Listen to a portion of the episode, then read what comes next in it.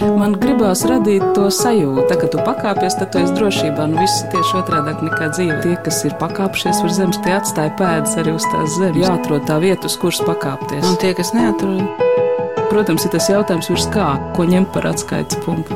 augstāk par zemi. Augstāk par zemi. Augstāk par zemi. Tas tāds interesants apzīmējums, pamest kapsētu. Bet realitātē Mirušie jau nav viņu pametuši. Bet tā piemiņa tur ir izdzisusi. Esiet sveicināti! Novembra beigās Cēsīs notiks konference veltīta Cēsu pilsētas, jeb tā sauktajiem vācu kapiem. Konkrētās kapsētas piemērs ietver daudzu senu, aizmirstu Latvijas apbedījumu vietu situāciju. Ko iesākt ar kapsētu, kad tajā apbedīto tuvinieki kapus vairs nekopj? Kā saglabāt kapu pieminekļus, pārvērst dvēseli dārzu arī dzīvajiem tīkamā pastaiga vietā? Kā atpazīt padzistušo kapu pieminekļos ierakstīto cilvēku vārdus un kā viņu stāsts no jauna jaust vietas atmiņā? Mans vārds ir Anna Bušvica, un uz šo sarunu esmu aicinājusi konferences organizators Gundaru un Elīnu Kalniņus, kā arī Nacionālā kultūras mantojuma pārvaldes speciālistes, vēstures un arheoloģijas daļas vadītāju Sandru Zirni, viņas balss dzirdējāt raidījuma sākumā, un arhitektūras un mākslas daļas eksperti Rūtu Kamīnsku. Savukārt Gundars un Elīna par no atmiņas zudušo kādreizējo cēsinieku piemiņas saglabāšanu iestājas ne pirmo reizi. Gundars Kalniņš ir Cēs muzeja viduslaika pils nodaļas vadītājs, Elīnas patreizējā darbvieta ir Pauls Stradiņa medicīnas vēstures muzejs, taču Cēsīs viņa ir izveidojusi un joprojām notur Nacionālajai pretošanās kustībai veltītu ekspozīciju Sirdsapziņas ugunskurs. Šāda veida projekti, iekšēji nepieciešamība iestāties pret aizmirstību, lielākoties nobriest ilgākā laika periodā. Un arī cēsu vācu kapiem veltītajai konferencei ir ļoti personiska priekšvēsture. Priekšvēsture šim stāstam par Cēlus pilsētas kapsētu mūsdienās, 21. gadsimtā, aizsākas 2004. gadā, kad es pārvācos dzīvot uz Cēsīm. Tas bija darba dēļ, tas bija dēļ Cēzu viduslaiku pilsētas un muzeja, šīm kultūrvēturiski nozīmīgajām vietām. Un tur es iepazinos ar Gundaru Kalniņu, un ar Gundaru Kalniņu mēs sākām iet uz randiņiem. Un mēs gājām uz dažādām cēsīs un cēsu apkārtnē skaistām vietām, tā skaitā arī uz cēsu kapsētām, jo cēsu pilsētas teritorijā mūsdienās ir trīs kapsētas, kurās vairs nu, netiek apglabāti cēsinieki un cēsu apkārtnes cilvēki kopš pagājušā gadsimta vidus, otrās puses, un viena kapsēta, kas ir aktīva. Vienīgā cēlus aktīvā kapsēta ir meža kapi. Tā mēs gājām, tāpēc, ka man no mazām dienām vienmēr ir patikušas kapsētas, un es teicu Gundaram, no aizējām apskatāmies, kas ir tie vācu kapi, kas ir lauciņu kapi, kas ir lejas kapi. Un mēs gājām, lasījām vārdus, uzvārdus un apskatījām to, kas ir atlicis no pieminekļiem. Gaidāmajai konferencē plānots trīs sadaļas - kapsētu un pieminekļi par kapu pieminekļu apzināšanas, restaurācijas iespējām, kapsētu un cilvēki, kapos apglabāto cilvēku vārdu atšifrēšana un pētniecība. Trešā sadaļa pievērsīsies kapsētā piekopto tradīciju izpētei un piemiņas saglabāšanas stratēģijai. 21. novembrī gaidāmā konference būs veltīta cēlus kapsētai un konkrēti šiem vācu kapiem. Kas eh, bija tas impulss, kāpēc jūs vēlējāties sarīkot šādu notikumu? Kapsētas plānotajai atjaunošanai veltīta konference viens no tādiem um, secīgiem soļiem plašāku darbu kopumā. Procesam, kas aizsākās pirms diviem gadiem, 2021. gada vēlā un siltā un sausā skaistā rudenī, kad mēs ar Elīnu sākām to, ko patiesībā vēl tajā brīdī nezinājām. Kāds ir šis darba apjoms, sākt vēsturiskas kapsētas inventarizāciju, nezinot tikai apjaušot pieminiektu skaitu, apjomu. Gunter, kāpēc jūs veicāt eh, šo vācu kapu inventarizāciju? Kāpēc šis pienākums piekrita jums ar komandu? Tā bija paša iniciatīva, vairāk tāds sirdsapziņas jautājums, jo Ja tu apzinājies to, ka 30 gadu garumā nekas nav mainījies, palasot 80. gadu avīzes, kur šis um, jautājums tiek aktualizēts, tad iekšēji rodās jautājums, vai tu vari samierināties? Liekas, ir jārīkojas.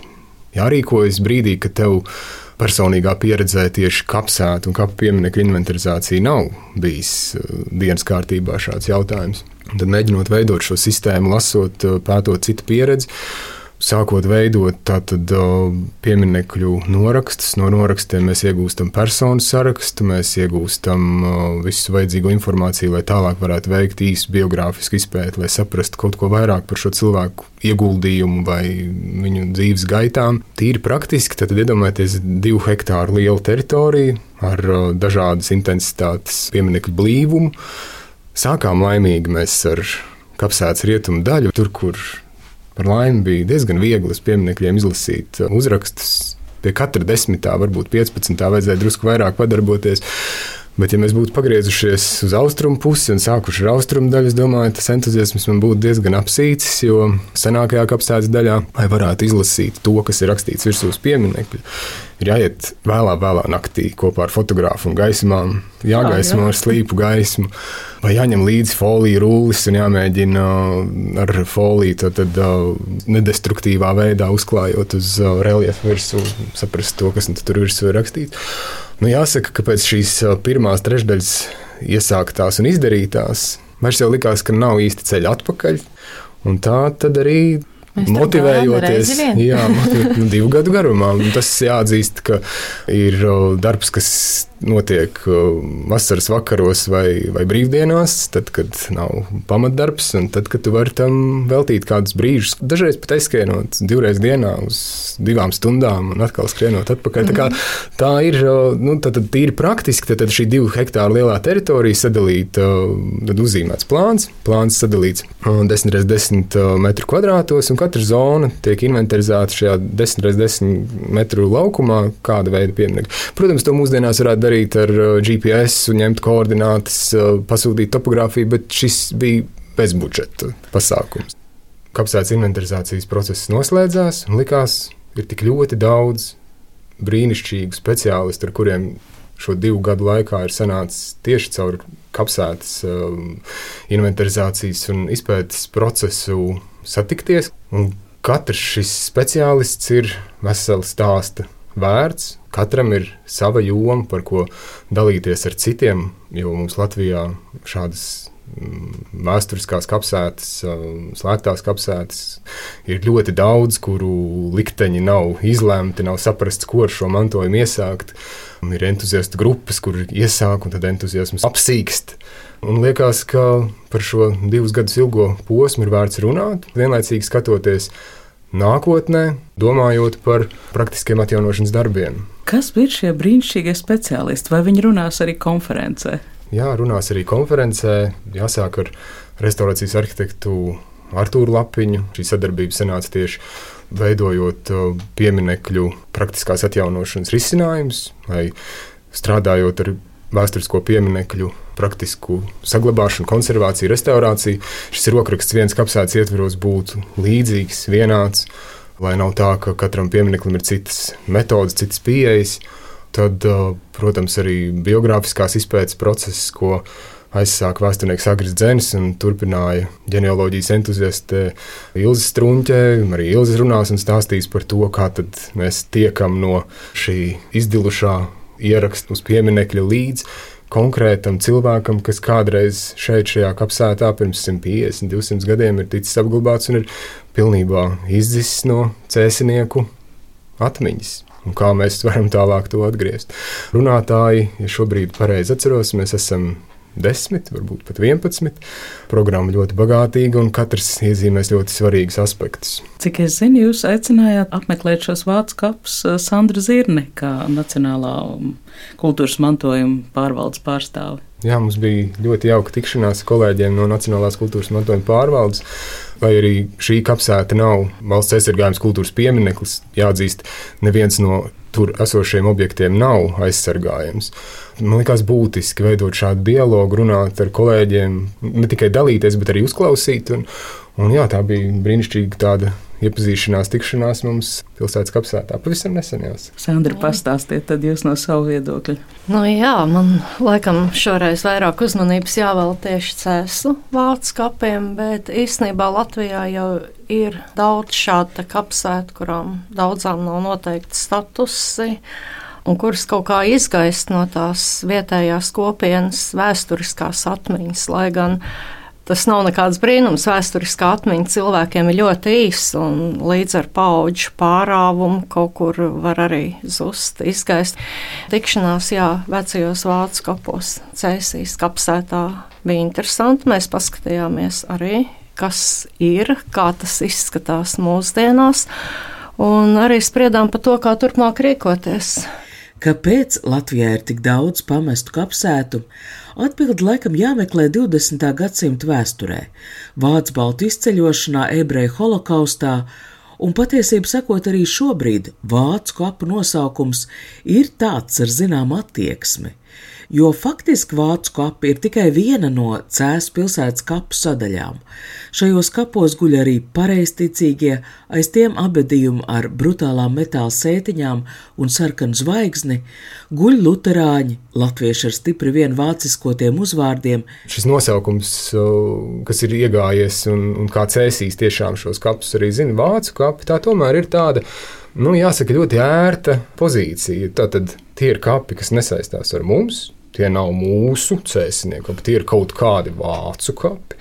Un lai tie vācieši tad arī ņem un rūpējas par tiem saviem. Un tikai tajā brīdī, kad mēs iedziļinamies, tikai tajā brīdī, kad mēs atbrīvojam prātu tam, ka var būt arī netik vienkāršs skaidrojums. Tad, kad tiek veikts pētniecisks darbs, lai saprastu, kas tiešām ir šie šajā kapsētā apglabātie, mēs varam raudzīties savādāk. Un tāds ir arī mērķis. Gaidāmās konferences programmā ir kāds referāts, kura nosaukums satriec vēl pirms dzirdēts paša referāta saturs. Vija Caune, Cēzu rajona arhitekte no 1966. līdz 1982. gadam, runās par vācu kapu pieminekļu aizvākšanas ieceri pagājušā gadsimta 60. gados. Iedomājieties, ir pēc otrā pasaules kara Visa šī vēršanās pret kristietību, pret krustu, pret vācisko, visi šie ideoloģiskie slāņi, kas kraujās virsū. Un tad jau mēs nonākam līdz šim vīzcaunas rajona arhitektas pieredzei, kur tev ir tabula, kur vietējais komunālais uzņēmums, kas ir atbildīgs gan par ceļu būvi, gan par kapu apkopšanu, gan par jaunu pieminiektu gatavošanu. Līdz ar to bieži vien ņem no veciem kapiem un pārslīpē taisa jauns. Un tev iedod izpildu komitejas priekšsēdētājs sarakstu ar reku kur numuri. Šitie aiziet uz ceļu būvi, un tos mēs pārslīpēsim. Ko jūs par to sakat? Šī saruna ar uh, Caunas kundzi man sākās tāpēc, ka es biju pamanījis kapsētā vēl tāds ēmas vītols, daļai jau izpostīts piemineklis, uh, Melns Gabro postaments, un uz tā ar eļas krāsu 31 virs uzrakstīts. Un izrādījās, ka šādi marķēti ir bijusi liela daļa pieminiektu, kas atbild šai tabulai, kas tad aiziet uz otrreizēju izmantošanu. Toreiz šī iecerē netika īstenota, un mazliet paradoxāli, bet toreiz kapus esot nosargājis kā reizi, tautā iegājies nosaukums - Vācu kapi. Institūcija darbinieki esot sākuši raizēties, vai būs smuki, ja Vācu balda sāks meklēt savus tuviniekus un atklāsies ciniskais vandālisms. Interesanti, ka Rīgā mita laikam jau pēdiņās drosmīgāk ļaudis, jo lielajos kapos viss tieši tā arī notika, kā iepriekš aprakstīts. Labi, nav vairs padomi laiki, Un tomēr, kurā brīdī mūsdienās kāda institūcija var uzskata par savu pienākumu iejaukties, sarunā iesaistās Nacionālā kultūras mantojuma pārvaldes speciālistes Sandra Zirne un Rūta Kamīnska. Ko šajā valsts līmenī, Nacionālā kultūras mantojuma pārvaldes līmenī, jūs darat, kādā veidā ir iespējams saglabāt šādus kapus vai atsevišķus pieminekļus?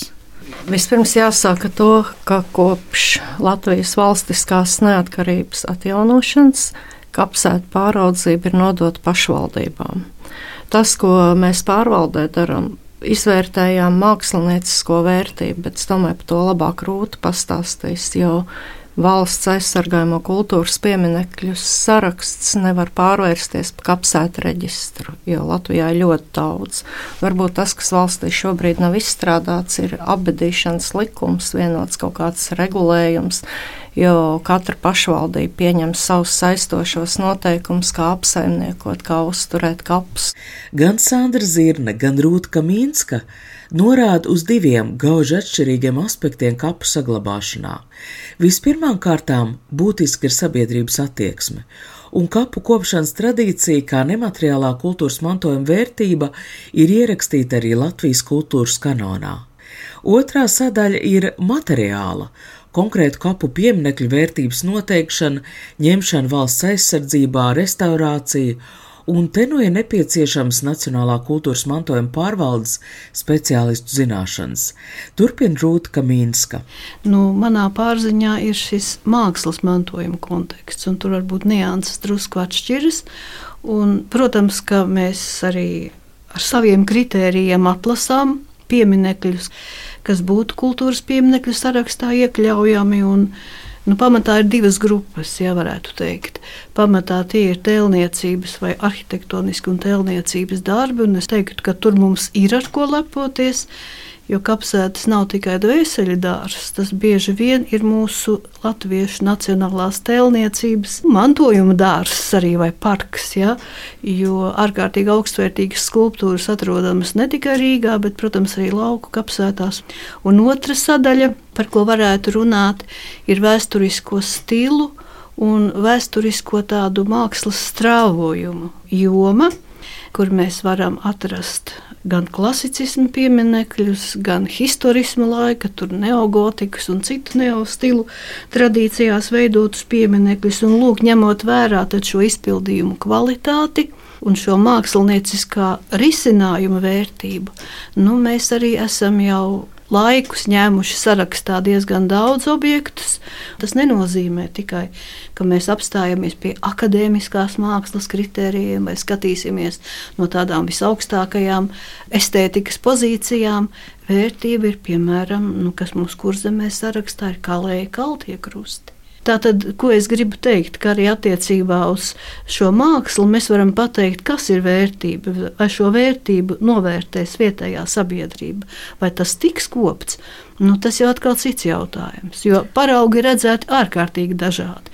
Tā pašā vidzemē, aizbraucot uz kapsētu, kur radītus, kapsēta bija ļoti sakopta. Tik ļoti tīrīta, ka visi čuguna krusti bija kaudzē sagāzti kapsētas malā, un, protams, pēc dārzkopības principiem tā teritorija jau bija satīrīta, sakopta.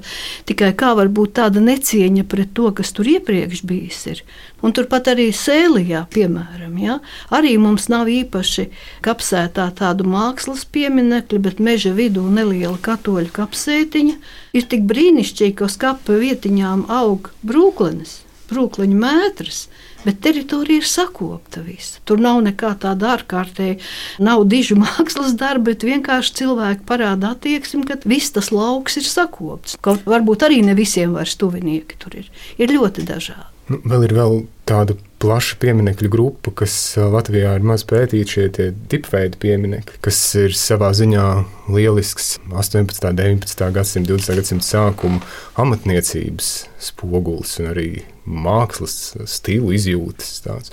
Mēs tiešām šo nesam valstiskā mērogā detalizēti skatījuši. Neviens nav, nav īsti tam pievērsies, bet tam ir arī milzīgs potenciāls arī nākotnē. Kaut vai uzlūkojot ažūru, čugunu krustu vai čugunu lējumu vai kaltās metāla sētiņas, viņām piemīt ārkārtīgi augsta estētiska kvalitāte. Un, un atkal vienlaicīgi apsētā ir šis kultūra vēsturiskais moments, kurš vēl jau vairāk to pastiprina un, un vērtēt uh, tikai no viena skatu punkta, vai vēl kādā citā kapsētā ir kaut kas tikpat.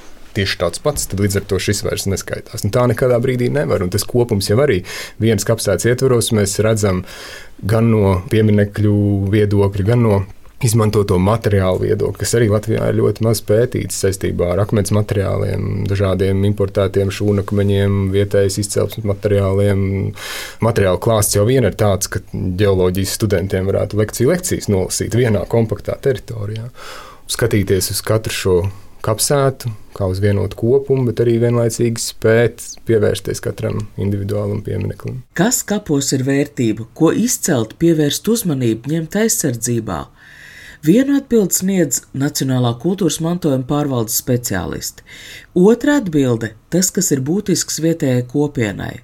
Taču interesanti aspekti, nu pat kā izcēla Gunārs Kalniņš, kapi var būt interesanti arī no ģeoloģijas un arī no dabas viedokļa. Mūsu sarakstē pirms intervijas Gunārs Kalniņš atsūta man video, kā cēsu viduslaiku pilī augi tiek izmantot, lai pasargātu viduslaiku mūrus no lietus un vēja un arī radītu vienotu ainavu un arī kapsētās bieži ir atrodams retas augu sugas, kas patvēršās no intensīvas lauksaimniecības. Lasot cēsu vācu kapiem veltītās konferences programmu, man tā drīzāk izskatās pēc ideju talkas.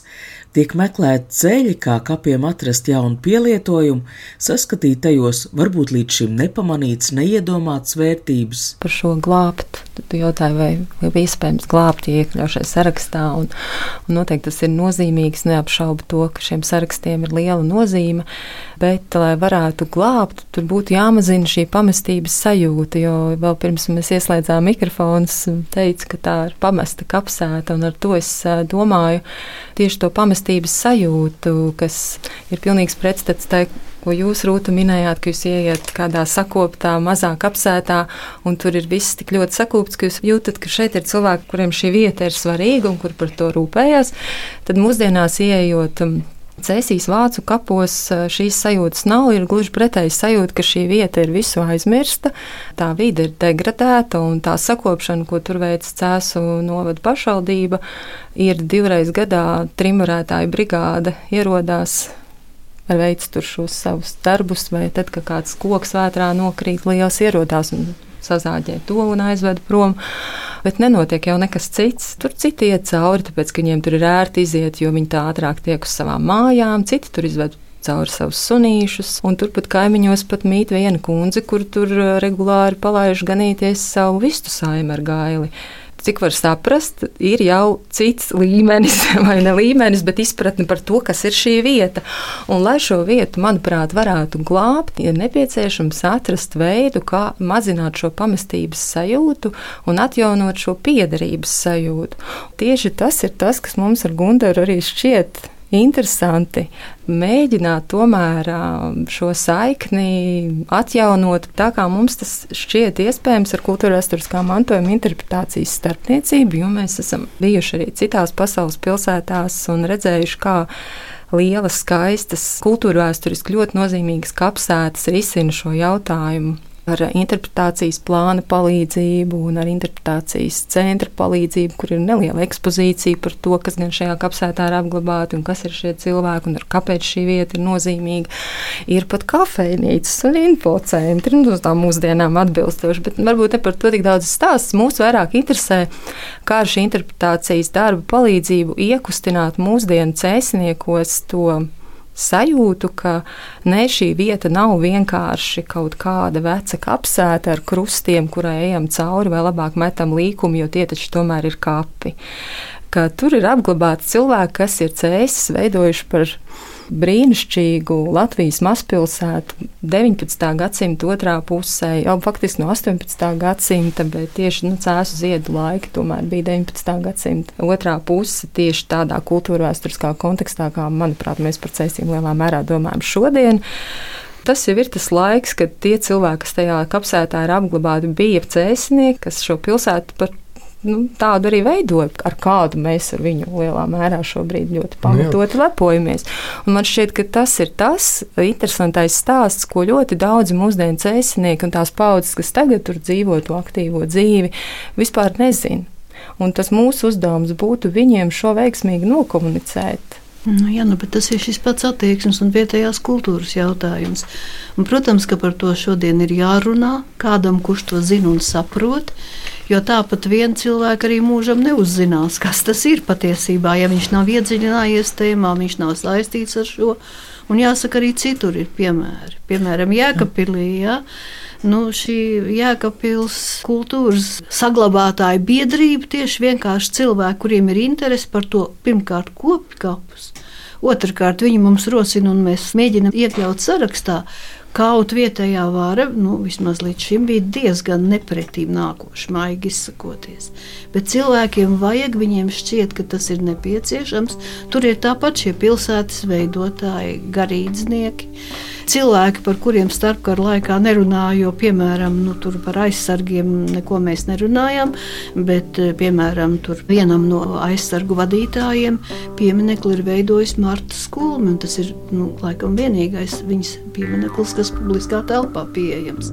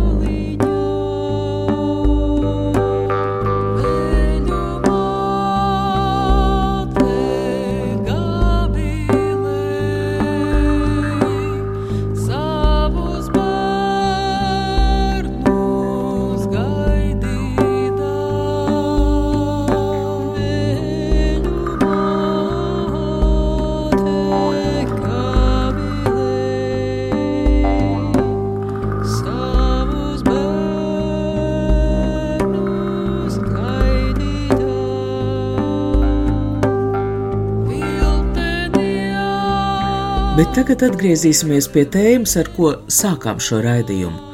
Cēzu pilsētas, jeb vācu kapos pēc privātpersonu ierosmes, tātad ir notikusi nesen kapsētas pieminekļu inventarizācija, atšifrējot un uzskaitot tajos iegravētos vārdus.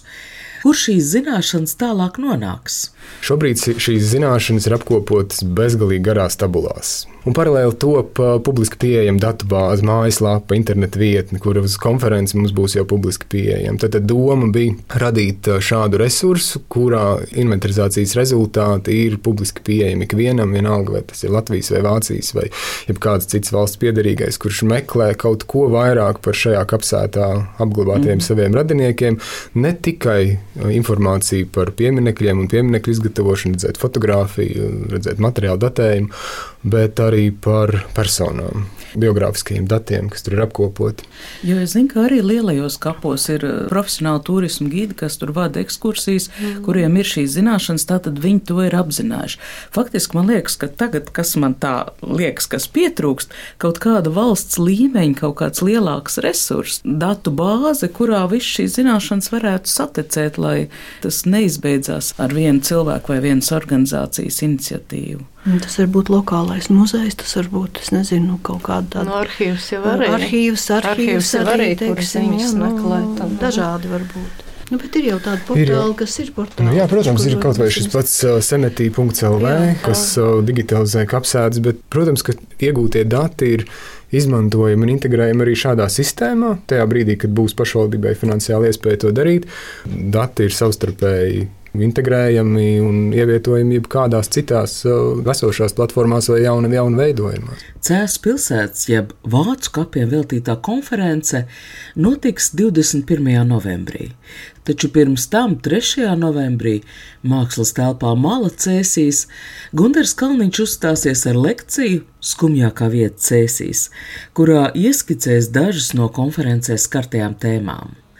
Ar šo grupas rīsa zvejnieku dziesmu no jums atvadās raidījuma veidotāji, ar jums sarunājās Anta Bušvica, par šī raidījuma skaņu gādāja Valdis Raitams. Cepmāmiņ kukulī, cepmāmiņ kukulī, veļos mani vadīdāmā. Cepmāmiņ kukulī, cepmāmiņ kukulī, veļos mani vadīdāmā ko mielošu veļu bērnu sveļu vārtu vērējiņus, vārtu vērējiņus, ko mielošu veļu bērnu sveļu vārtu vērējiņus,